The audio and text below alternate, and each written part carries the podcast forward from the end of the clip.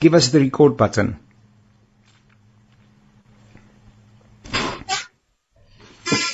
Recording in progress.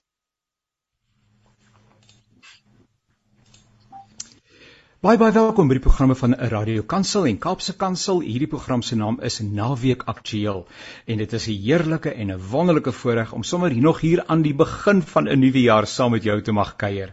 Ek wil die vertroue uitspreek dat dit met jou sommer baie baie goed gaan, dat jy groot verwagting koester vir hierdie jaar en dat jy die Here uh, veral deur sy Heilige Gees sal ervaar in elke dag se handel en wandel. Nogmaals baie dankie dat jy ingeskakel is. Ek herinner dat die programme van Radio Kansel as potgoeie beskikbaar is by www.radiokansel.co.za en daar kan jy gaan kyk vir Naweek Aktueel en natuurlik ons Woensdag aktualiteitsprogram Perspektief en uh, weer 'n keer na die programme luister of dit met iemand anders deel. Nou aartsbiskop Desmond Tutu, seker een van die bekendste geestelike leiers van ons tyd, sterf in die rype ouderdom van 90 jaar. Sy heengaan word wêreldwyd betreur en lof en waardering stroom van oral oor om hulde te bring aan hierdie ikoniese figuur. Daar word entoesiasties gesels oor die nalatenskap van hierdie merkwaardige mens.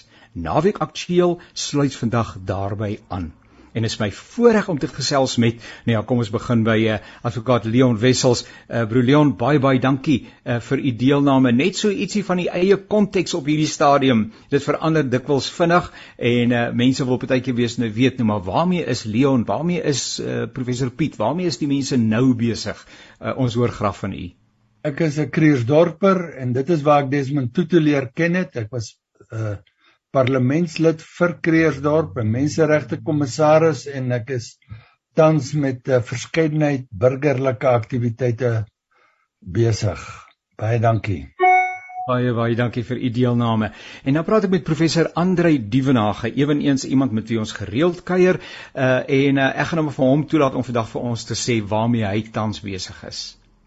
Janie, ja, ek is in die eenvoudige rol van 'n navorsingsprofessor.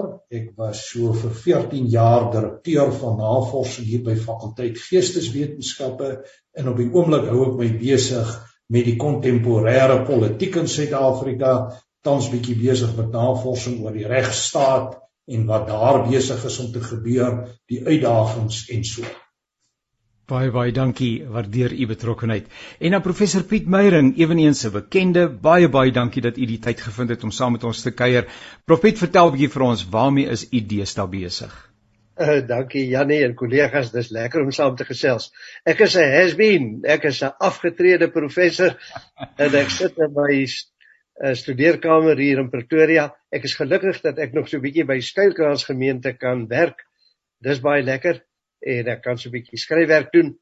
Maar dit is so lekker om bietjie agteroor te sit en nie te skuldig te voel as jy cricket kyk nie. Nou ja. en ons gaan dit ook vir u. Baie dankie vir die saamkuier. Nou, u het nou gehoor waaroor ons gesels vandag. U het ook gesê u kuier graag rondom daardie tema, uh, Aartsbiskop Desmond Tutu se baie besondere nalatenskap. As ek nou die naam noem, uh, Aartsbiskop Desmond Tutu, dan wonder ek in terme van skouerskuur, in terme van uh kontaksituasies in terme van wat dit ook al mag wees wat by u opkom. Uh miskien kan ek maar begin by Prof Piet. Ja, vertel vir ons u van u byvoorbeeld ietsie van dit wat u uh, waaraan u dink as u met sy naam gekonfronteer word. Nee, liewe tyd as ek die naam van Desmond Tutu lees of hoor, dan kom daar allerlei gedagtes by my op, veral van 'n vrolike, vriendelike, ernstige, toegewyde man My vriendskap met hom loop al byna 50 jaar. Toe ek nog 'n jongere gedoopnie was, is hy aangestel as aartsbiskop van Johannesburg en ons paadjies het toe al gekruis.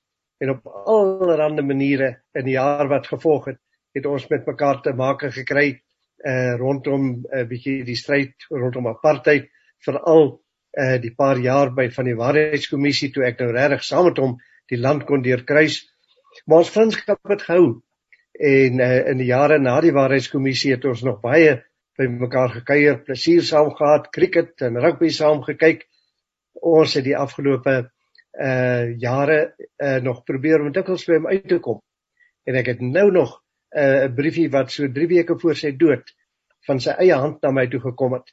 So as ek aan aan uh, die aards dink soos almal hom noem, ja ja, dan dink ek aan 'n goeie vriend dan dink ek aan 'n man wat in die wêreld 'n geweldige invloed uitgeoefen het in die teologie in Suid-Afrika. Daaroor gaan ons nog baie praat.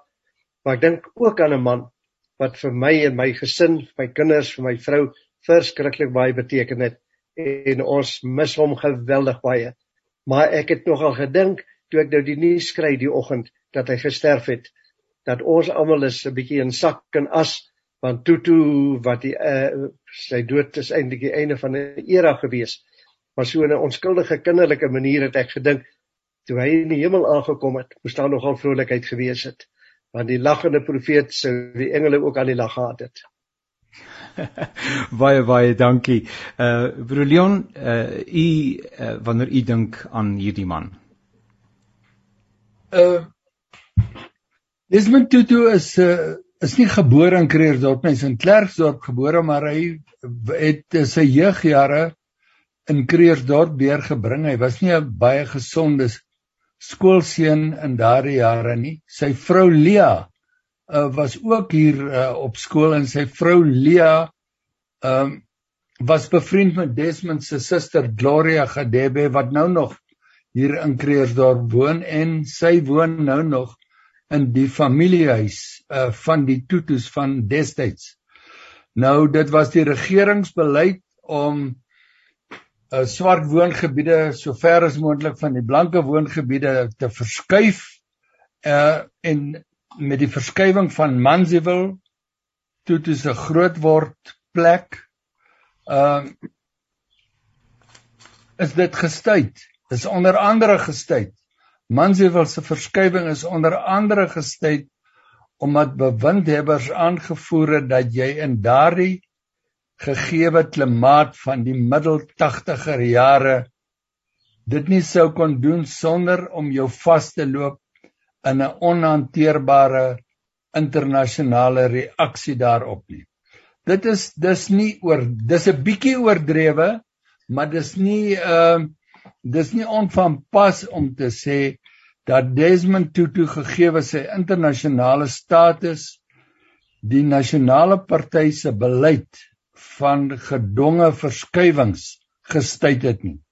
En dit is definitief die geval hier in Manziwil gewees. Dit is net hier dit is net hier gestuit en dit het uh daar geweld ontstaan.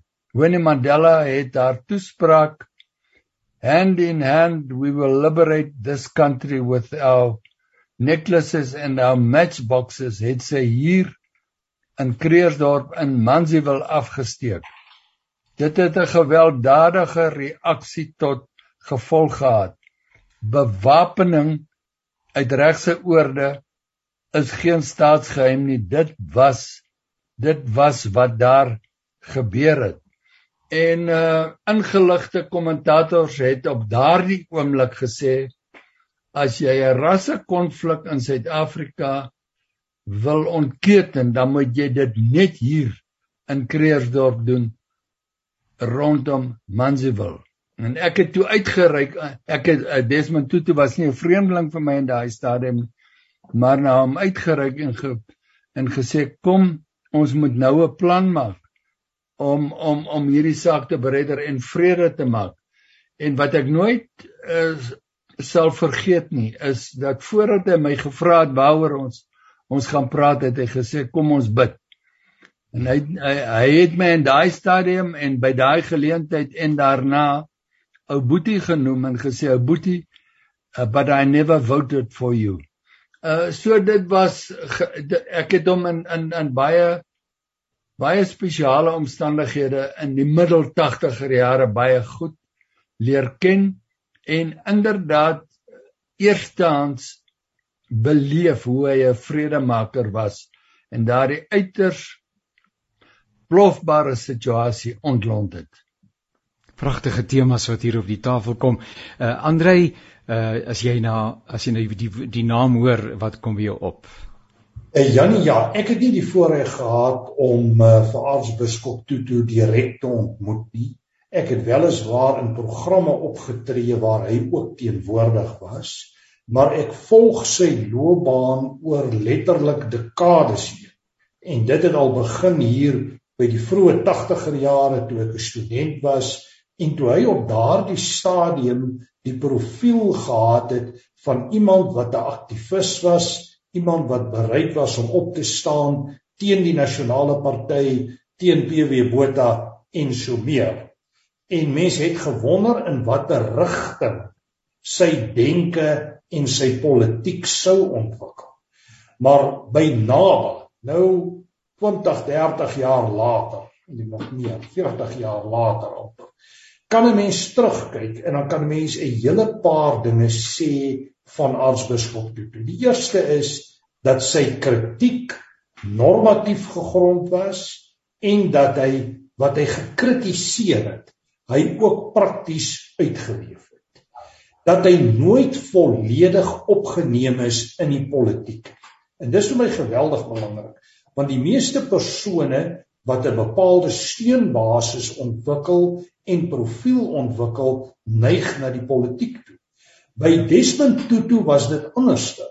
Hy het 'n onafhanklike basis gestel waarvandaan hy gewerk het, waarvan hy mense beoordeel het en so meer.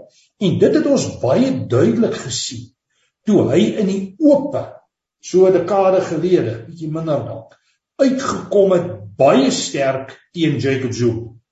En hy was omtrent een van die eerste persone wat vir Jacob Zuma in die openbaar aangevat het en gesê het jy loop die pad verkeerd, jy gaan die prys betaal.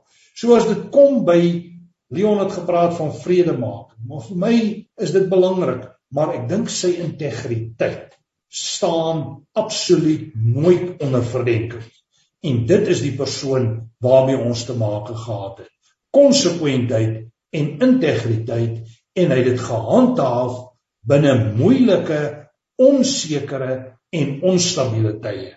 En ek dink belangrik op 'n manier was hy saam met Nelson Mandela die die die morele kompas van die post 94 Suid-Afrika en het hulle op hulle eie manier uh inhoud gegee aan wat ons genoem het die reënboognasie.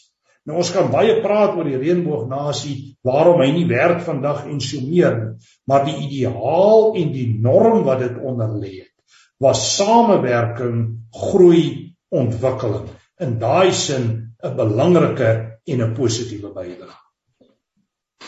Janie, kan ek inkom hier wat by Prof Andrei gesê het, uh, dat hy dat hy gesê het dat ek verskriklik waardeer dat 'n uh, uh, aartsbiskop Tutu is nooit nooit 'n veranderende politikus nie. Hy het 'n Christen gebly, 'n kerkleier gebly en uh, hy het hom nie laat insuig in 'n politieke party en om 'n sekere vaandel te dra van 'n sekere party nie.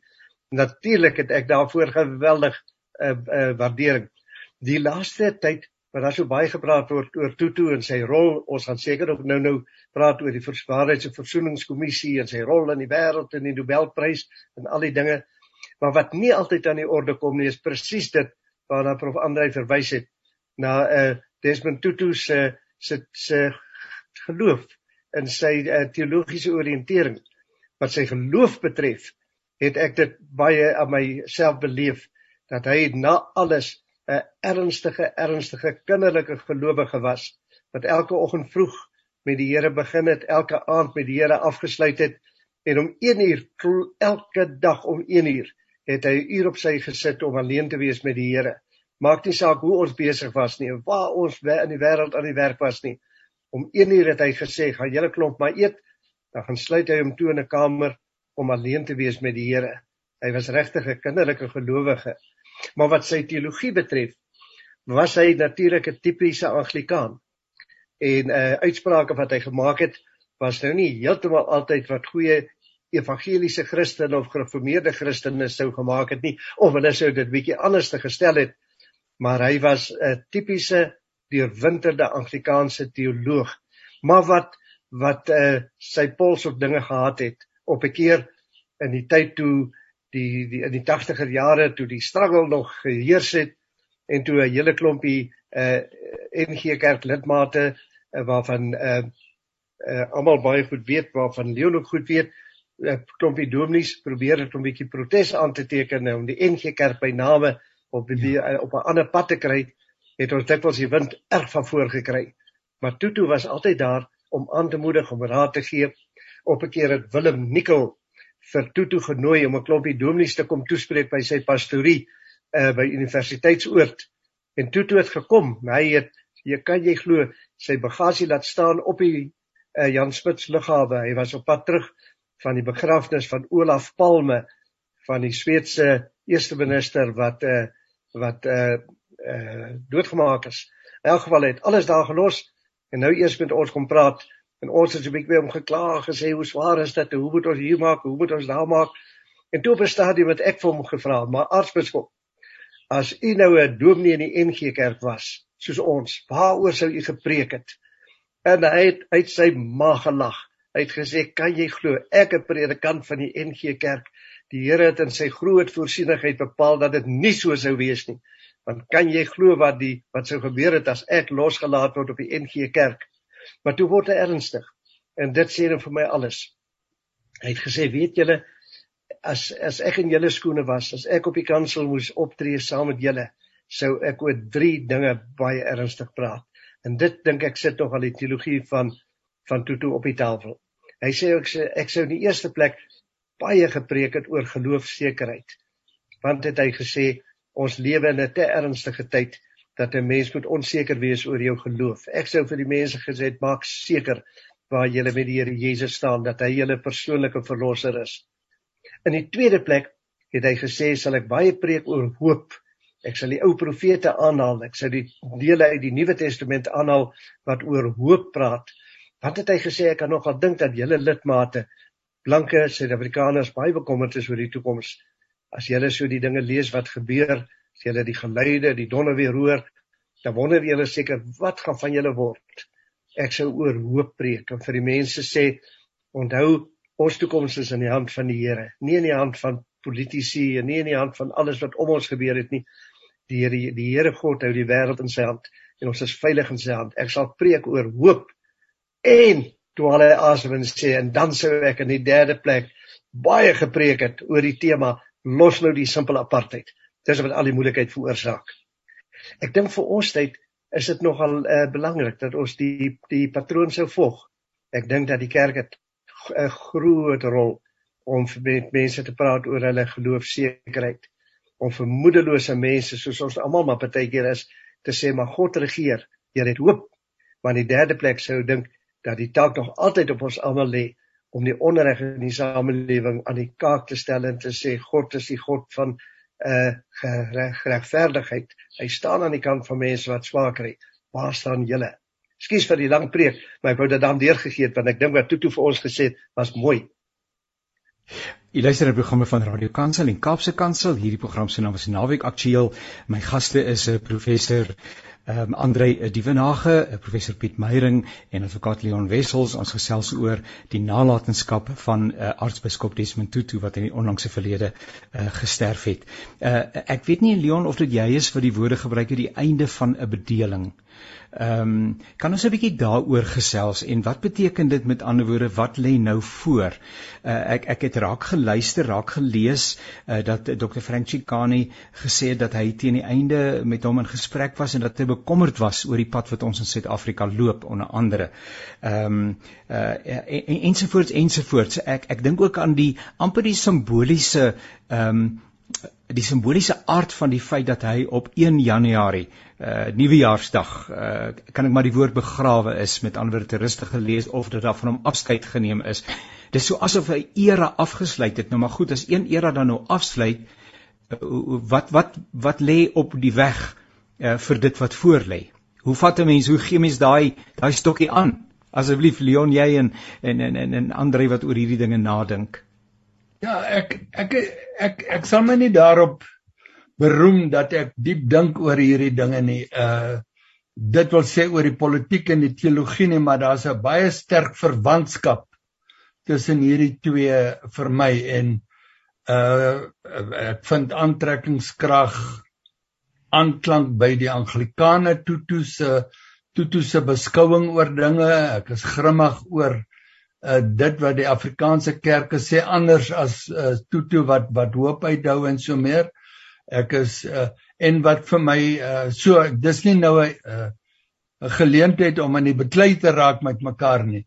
Maar wat vir my verskriklik belangrik is, is dat wanneer dinge deurmekaar is, dan is die geleentheid om iets te doen op hulle op die op die grootste uh, mo moment. Uh, ek ek formuleer nou swak, maar as dinge dan nou so deurmekaar is en dit is deurmekaar, ek betwis dit nie, dan sal dan raak ek uh, effens knorrig wanneer mense uh meer brom en grom as wat hulle werklik iets probeer doen. En dit is wat Tutu gedoen het en daaruit lê die inspirasie. Ek wil nou nou terugkeer na iets anders. Maar vir Tutu om Jakob Zuma 'n paar dwarsklappe te gee eh, was nie 'n kuns nie. Dit dit dis relatief maklik. Ek meen hy's 'n ongure karakter, hy's onpopulêr en in uh, in die ANC binnekringe is daar gebrom, maar vir Tutu om Nelson Mandela aan te vat, dit wil gedoen wees. Hy het van Nelson Mandela gesê en ek haal nou aan vir Sello Watang die huidige uitvoerende hoofuitvoerende beampte van Nelson Mandela Stichting dat Tutu het vir Mandela aangevat en gesê jy ding jy doen te min om korrupsie te bekamp. Nou dit wil gedoen wees. So as ons dan van daar af na vandag toe kom dan lyk dit vir my uh en weer eens ons nie nou die geleentheid om met mekaar arm te druk nie maar die enigste roete vir kerkleiers en kerkvaders en kerkmoeders om korrupsie te beveg is om hande te vat binne die raamwerk van die Suid-Afrikaanse Raad van Kerke.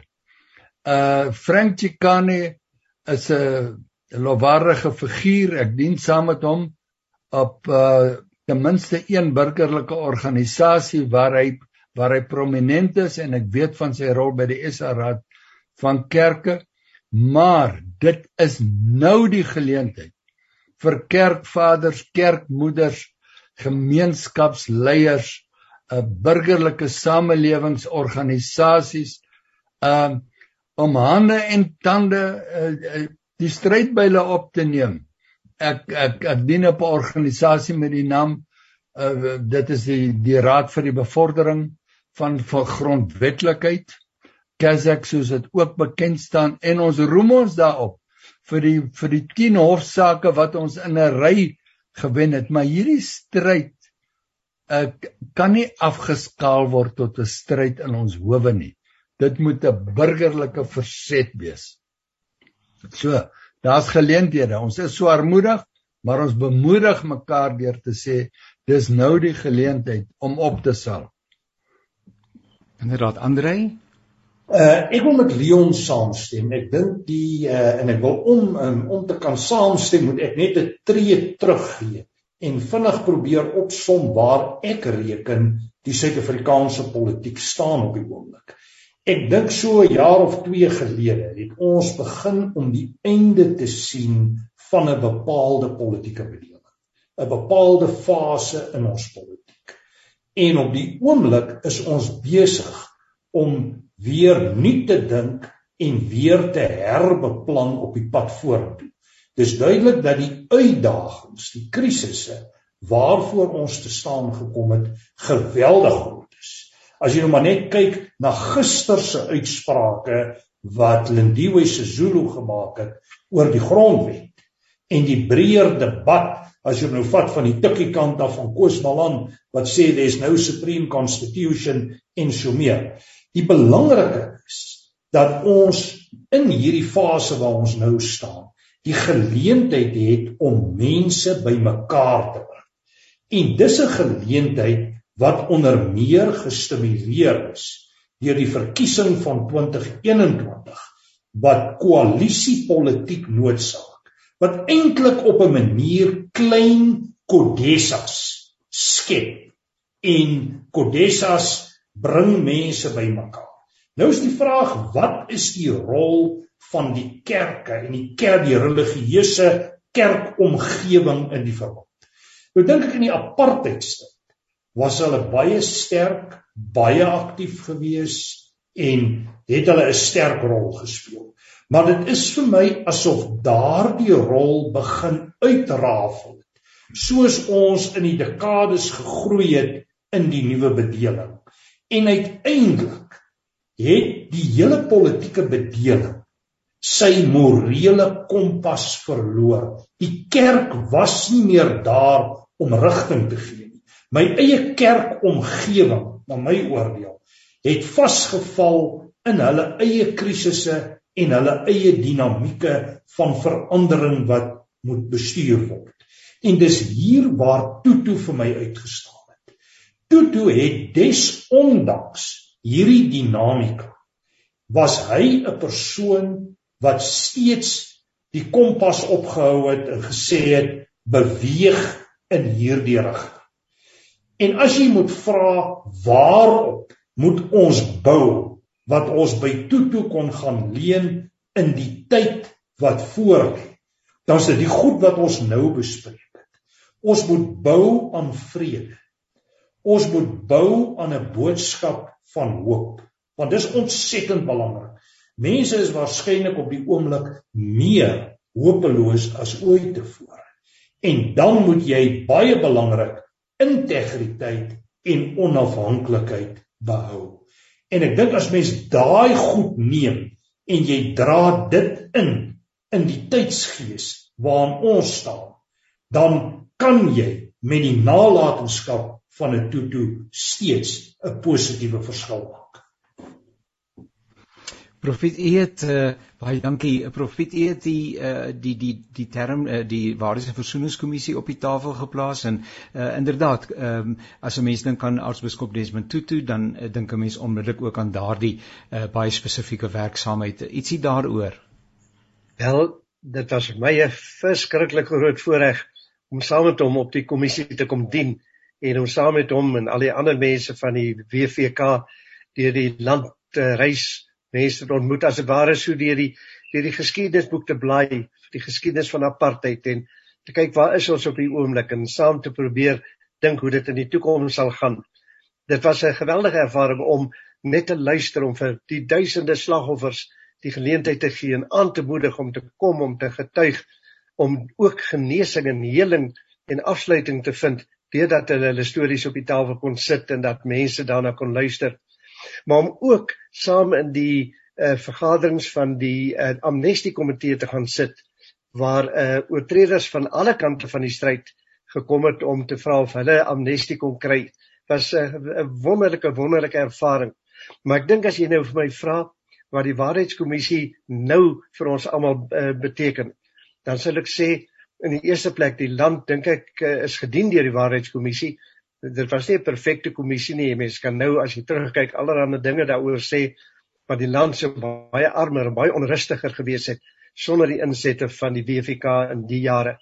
Maar wat ek ek dink wat oorbly wat ons miskien vir die luisteraars kan deurgee is dat tydens die waarheidskommissie het 'n klomp goed uitgestaan. Die eerste is dat die waarheid 'n mens regtig vrymaak. Dat uh, ons moet waag om na mekaar te luister. Ons moet waag om vir mekaar te sê ek is hier, ek wil hoor wat met jou gebeur het.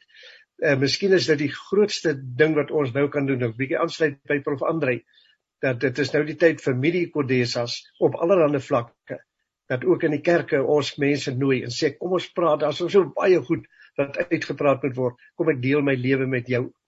Die tweede ding is dat Tutu het nooit opgegee oor verzoening nie. Hy het nooit opgegee oor vergifnis. Die baie mense het gesê dis nie onmoontlik nie. Party mense het gesê dit word geforseer. Toe toe het gebly glo dat die Heilige Gees in mense se lewens kan werk en dat daar regtig verzoening moontlik is. Uh dat jy nie vra dat mense moet vergeet wat in die verlede gebeur het nie. Hoe kan jy dit vergeet? Maar dat jy uh die herinneringe kan genees. Toe toe en dis miskien die laaste ding wat ek wil sê, is toe toe het ook gesê dat verzoening en geregtigheid die gaan saam.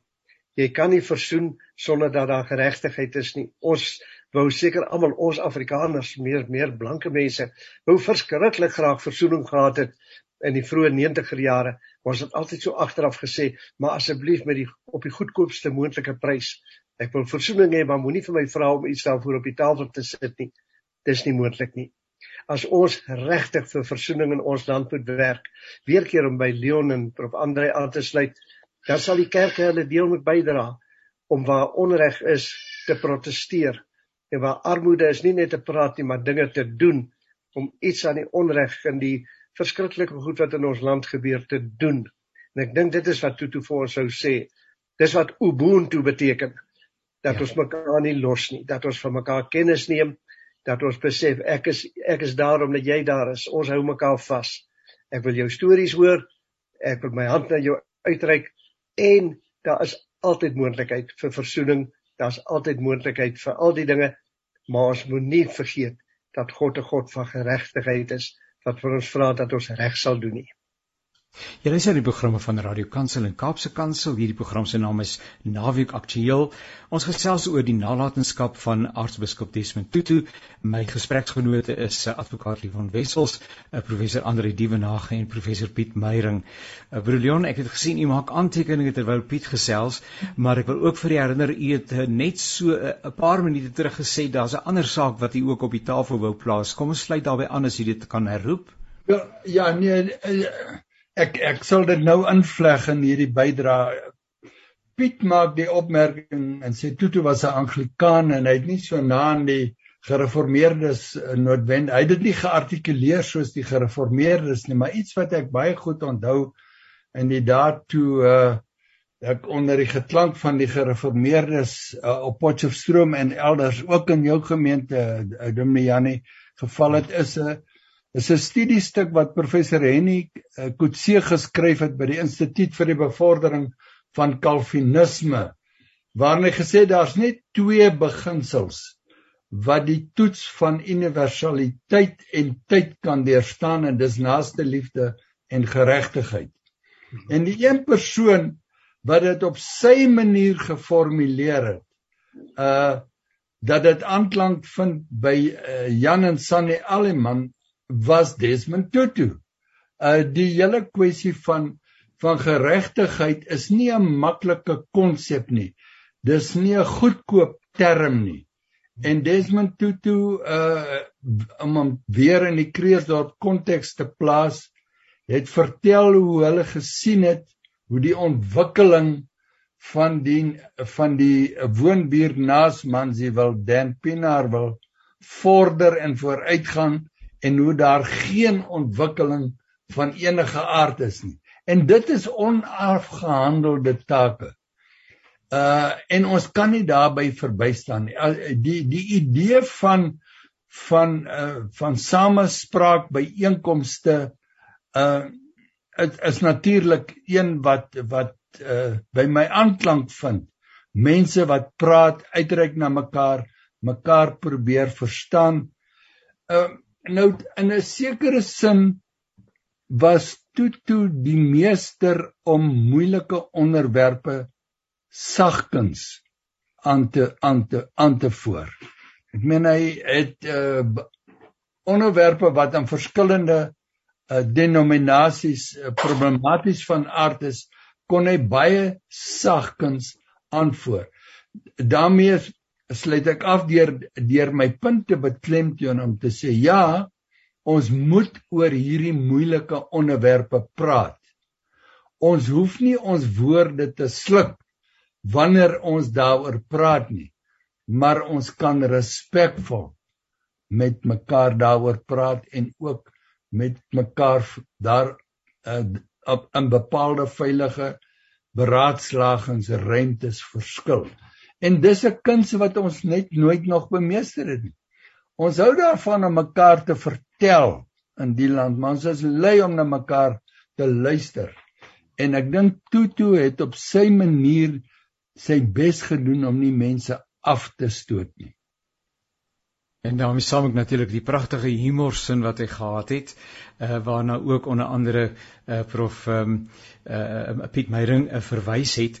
Ehm um, uh, prof Andre, um, as ek nou dink aan uh, aan die afsterwe van aartsbiskop Desmond Tutu in die tonele wat afgespeel het die rye van mense wat uh, daar was om hulle laaste eer te betoon terwyl hy in staatsie gelê het uh, het dit my opgeval dat dit mense van verskeie agtergronde was. Kom ek sê nou maar so as ek dit so uh, so grafies kan sê dan het mense van verskillende rasagtergronde het naas mekaar gestaan in die ry gestaan.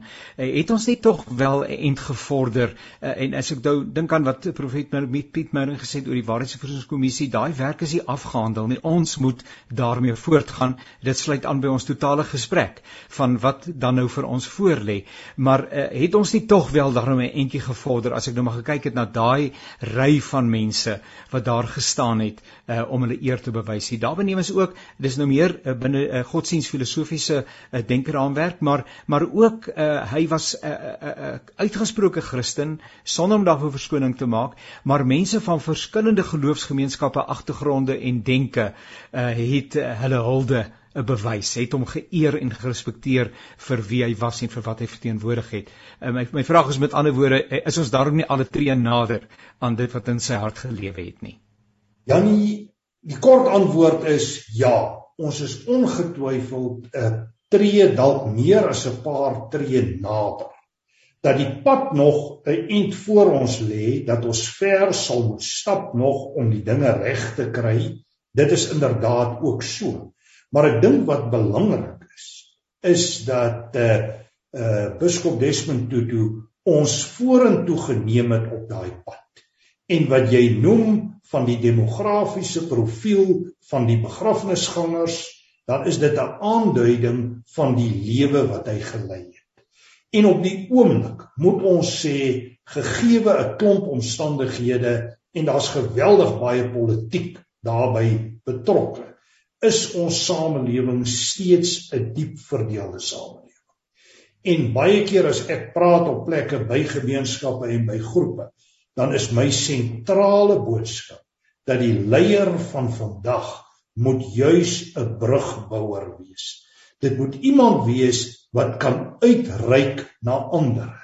Helen Zille gebruik die term gedeelde waardes.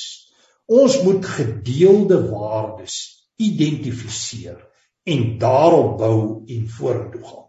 En ek dink Biskop Desmond Tutu was die samelewing in die algemeen 'n paar tree voor wat dit betref het. En in daai sin het hy 'n navolgingswaardige model gebly en sal hy dit steeds wees op die pad vorentoe. Mag ek 'n voorlaaste vragie vra? Uh professor Piet, miskien uh, uh meer spesifiek aan u adres.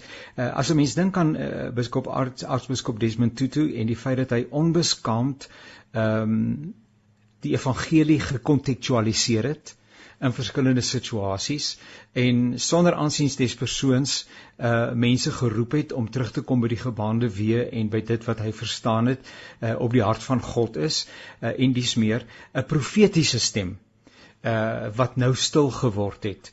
Uh, is daar profetiese is daar nog plek vir profetiese stemme? Is daar nog profetiese stemme soos die van aartsbiskop Desmond Tutu of is daai era verby? uh roep die Here ons dalk nou om anders op te trek. Wonder maar net as 'n mens nou dink wie is vandag die mense wat op hierdie wyse en op daai basis die respek en die agting van selfs geharde politici wat waarskynlik min erg het uh aan uh en ek wil dit nie veralgemeen nie maar uh, was miskien nie so oortuig is in terme van 'n geloofs uh verwysingsraamwerk nie en tog die grootste waardering vir hom gehad het. Is die tyd van die profete verby? Ja nee, die tyd van die profete is nooit verby nie. Mense wonder net partykeer waar is hulle? Maar dat ons regtig stemme nodig het, mense wat sal moed skep en in die voetspore van van Tutu sal 'n uh, vergrootglas uithaal om goed te analiseer wat is aan die gang in die samelewing, te kyk wat dit die Bybel sê daaroor en dan uiteindelik hulle woorde spreek. Dit is regtig so. Die by die Waarheidskommissie het al die geloofsgemeenskappe 'n gedenkwaardige byeenkoms gehad. Die laaste van die groot verhore was die geloofsgemeenskappe en al die kerke in ons land het daar geweldige uh commitments gemaak hoe hulle in die toekoms gaan optree deur woord en deur voorbeeld. Na 25 jaar het daar nie vreeslik baie gebeur nie. En toe het aartsbiskop toe opdrag gegee dat al die manne moet terugkom en die dames. En in Stellenbosch het hy 'n tweede geleentheid geskep vir al die geloofsgemeenskappe en presies gevra wat jy nou vra. Waar is julle stemme? Waar is julle voorbeeld? Ek is bly uh Leon het verwys na die Suid-Afrikaanse Raad van Kerke. Hulle begin 'n sterker stem te laat hoor waaroor ons verskriklik bly is. Aartsbiskop van Kaapstad doen dit en uh, ek hoop dat vanuit die Afrikaanse kerke daar ook sterker stemme kom. Ons het natuurlik die wonderlikste wonderlikste instrument. Ons het die belydenis van Bellaar. As ons net al daai belydenis wil gaan lees en kyk wat daar staan en sê dis wat ons wil uitvoer, dan dan sê ons alles wat ons wil sê. Maar wat ek ook wil sê is uh Janie, ons het nie net groot profete nodig nie, ons het 'n paar miljoen klein profetjies nodig. Ons het gewone lidmate nodig, mense soos ons almal wat in ons klein kring sal sê maar uh ek wil praat. Ek wil praat oor dinge wat verkeerd is. Ek wil veral deur my voorbeeld kyk of ek dinge kan regmaak. Groot profete is baie nodig, maar 'n klomp klein profetjies is net so nodig. Kan ons opsom? Kan ek vir u vra 'n uh, uh, Andrei as jy nou sommer so wil opsom uh, wat jy met jouself saamneem rondom hierdie persoon die toekoms tegemoet uh, wat leef in jou hart? Wat is die geskenk? Uh, en dit is baie moeilik om dit uh, dalk in 'n sinnetjie of twee te sê maar wat is die geskenk wat God vir ons kom gee het in die persoon van Desmond Tutu? Janie ek kan dit baie kort saamvat. Dit is maak vrede bou aan versoening gee 'n boodskap van hoop en bou altyd aan brûe op die pad vorentoe. En ek dink daarin lê sy bydrae vir my en vir my is die essensie daarvan dat hy dit kon doen en kon uitleef sonder om iewers verpolitiseer te word en sy integriteit en sy autonomie te verloor. Dit is sy bydrae en dit vat ek met my saam. Baie hartlike dank aan professor Andre Dievenage vir sy deelname. Ehm um, Leon, uh, broer Leon, as u nou dink en u dink aan die geskenk uh, wat hy vir ons kom gee het in hierdie land, uh wat hoe sou u dit wou verwoord? Desmond Tutu was 'n baie groot figuur met 'n klein ego. Dis hoe ek hom onthou. Uh hy het in diens gestaan van mense en hy daarin geslaag om vreesloos sy standpunt te stel altyd in die hoop dat hy uh mense bymekaar sou kom bring. Ek kan dit nie beter stel as wat ander het dit gestel het nie. Ek probeer dit net anders stel. Uh met ander woorde, hy het meer mense bymekaar gemaak as wat hy mense weggestoot het. 'n pragtige gedagte, nee, meer mense bymekaar gemaak is wat hy mense vervreem het. Ons kan Leon Wessels baie baie dankie vir die tyd wat u ingeruim het. En professor Piet Meyering, 'n laaste woord van u kant asseblief. Ek stem so saam met wat prof Andre gesê het en wat Leon gesê het. Hy is 'n groot profeet. Hy stel vir ons 'n geweldige voorbeeld. Maar ek dink dat hy ook vir ons almal so as 'n laaste woordjie sou fluister. Ag mense, En moenie alles so verskriklik ernstig opneem. Lag 'n bietjie, en geniet 'n bietjie die ja, ja. lewe. Ons het 'n ja. goeie Vader wat vir ons sorg en ons moenie te bekommerd wees nie. Lag en gesels. Ek haal alles uit die lewe by julle kant. Dis die heerlik om op daai noot eh, af te mag sluit en te mag eindig. Baie baie dankie vir u deelname en eh, baie dankie ook aan die Here wat uh, in hierdie besondere tyd vir ons hierdie gawe gegee het, die gawe aan die geloofsgemeenskap, die gawe aan Suid-Afrika uh, en sy konteks, die gawe aan die internasionale wêreld uh, en dat ons steeds daardie nalatenskap kan vier, dankbaar kan vier en daarop kan bou. Uh baie baie dankie weer eens vir dat u uh, deelgeneem het, Prof Andrei. Dankie. Baie dankie. Uh Leon, baie baie dankie. Baie dankie. Prof Piet, baie dankie. Dankie, dit was lekker om saam te praat. En aan ons luisteraars baie dankie tot 'n volgende keer. Alles wat mooi is.